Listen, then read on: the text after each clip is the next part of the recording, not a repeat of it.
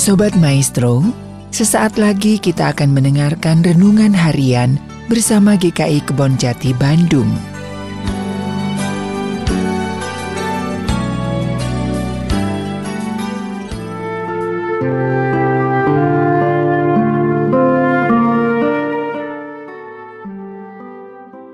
Salam sejahtera jemaat GKI Kebon Jati. Kembali lagi bersama saya Diki di dalam program renungan harian pada hari ini. Renungan harian pada hari ini diambil dari Lukas 14 ayat 7 sampai 12 dengan tema sombong. Diambil dari renungan setahun almarhum Eka Dharma Putra. Mari kita akan membaca Lukas 14 ayat 7 sampai 11.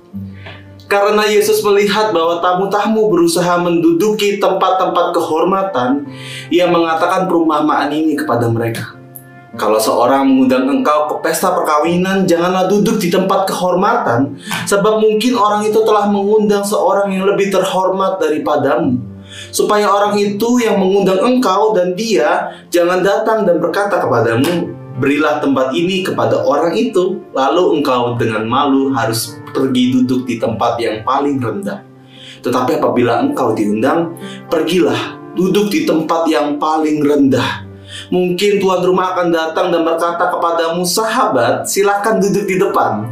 Dan dengan demikian engkau akan menerima hormat di depan mata semua tamu yang lain. Sebab barang siapa meninggikan diri, ia akan direndahkan. Dan barang siapa yang merendahkan diri, ia akan ditinggikan. Saudara-saudara, hari kemarin kita bersama-sama telah belajar membahas bagaimana rasa takut dapat membuat iman kita tidak dapat bertumbuh dengan lebih leluasa. Pada hari ini kita juga akan belajar tentang kesombongan yang sering kali juga menjadi salah satu batu sandungan dalam setiap kita. Celakanya setiap kita pasti punya kesombongan dalam pribadi masing-masing. Hal ini sebuah kenyataan dan tidak perlu kita pungkiri, kita per, tidak perlu menampiknya. Bahkan termasuk bahwa ada dari kita yang mungkin dengan bangga menyombongkan kerendahan hatinya. Saya jadi ingat tentang sebuah film dari Warkop DKI kalau tidak salah dengan tentang sebuah kisah ada di Bemo. Jadi seorang A berkata kepada seorang B, saya ini adalah orang yang tidak pernah sombong. Saya ini adalah orang yang selalu rendah hati dan tidak pernah sombong. Oh begitu pak, apa buktinya? Saya itu ya kalau punya uang nggak pernah sombong, pasti ku kasih ke orang lain. Kalau aku dipukul sama orang, Aku tuh gak pernah marah-marah. Aku gak pernah merasa tersinggung kalau diejek. Aku adalah orang yang paling rendah hati dan aku tidak pernah sombong. Saudara-saudara melihat kisah itu sepertinya ironi ya. Seakan-akan ia sedang merendahkan diri, menunjukkan rendah diri, kerendahan di hatinya.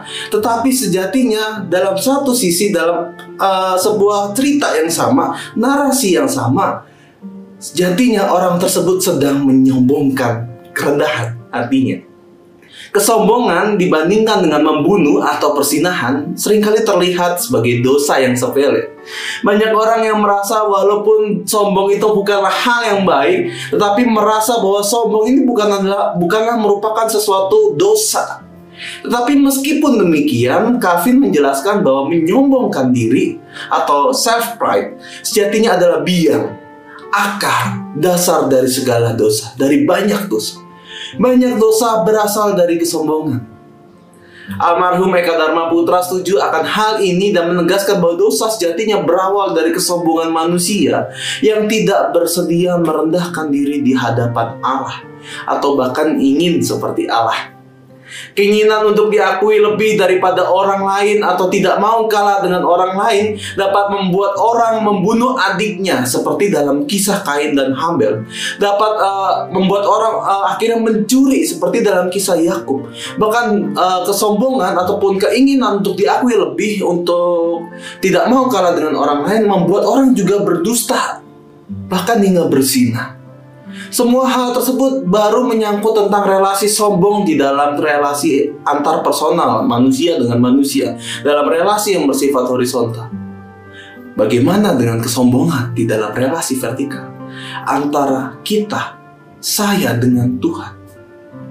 Relasi hubungan antara manusia dengan Tuhan Kesombongan rohani, kesombongan akan siapa yang lebih rendah hati, siapa yang lebih beriman menjadi salah satu duri yang bisa menusuk dalam daging dan sangat sakit dan berkembang dengan sedemikian rupa. Pertanyaannya adalah bagaimana kita mengatasi kesombongan ini? Kuncinya adalah sebuah kesadaran. Kesadaran tentang apa? Kesadaran bagaimana kita mampu menyadari bahwa sejatinya setiap kita adalah umat berdosa yang dipanggil Tuhan untuk berkarya. Bahwa sejatinya perkumpulan orang Kristen bukanlah merupakan orang-orang yang terhormat, bukanlah merupakan orang-orang yang sudah sempurna, bukanlah yang isinya para malaikat, melainkan perkumpulan di mana orang-orang berdosa dipanggil bersama, berproses dan belajar bersama untuk terus meneladan pada kasih Kristus. Kiranya kesadaran itulah yang terus kita ingat Kiranya di dalam renungan harian pada hari ini mengingatkan kita di dalam kehidupan kita sehari-hari agar terus berada di dalam kerendah hatian dan tidak terjebak pada kesombongan. Tuhan Yesus memberkati kita semua. Amin.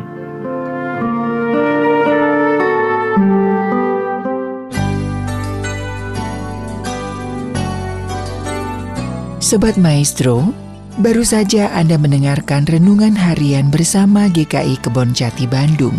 Tuhan Yesus memberkati.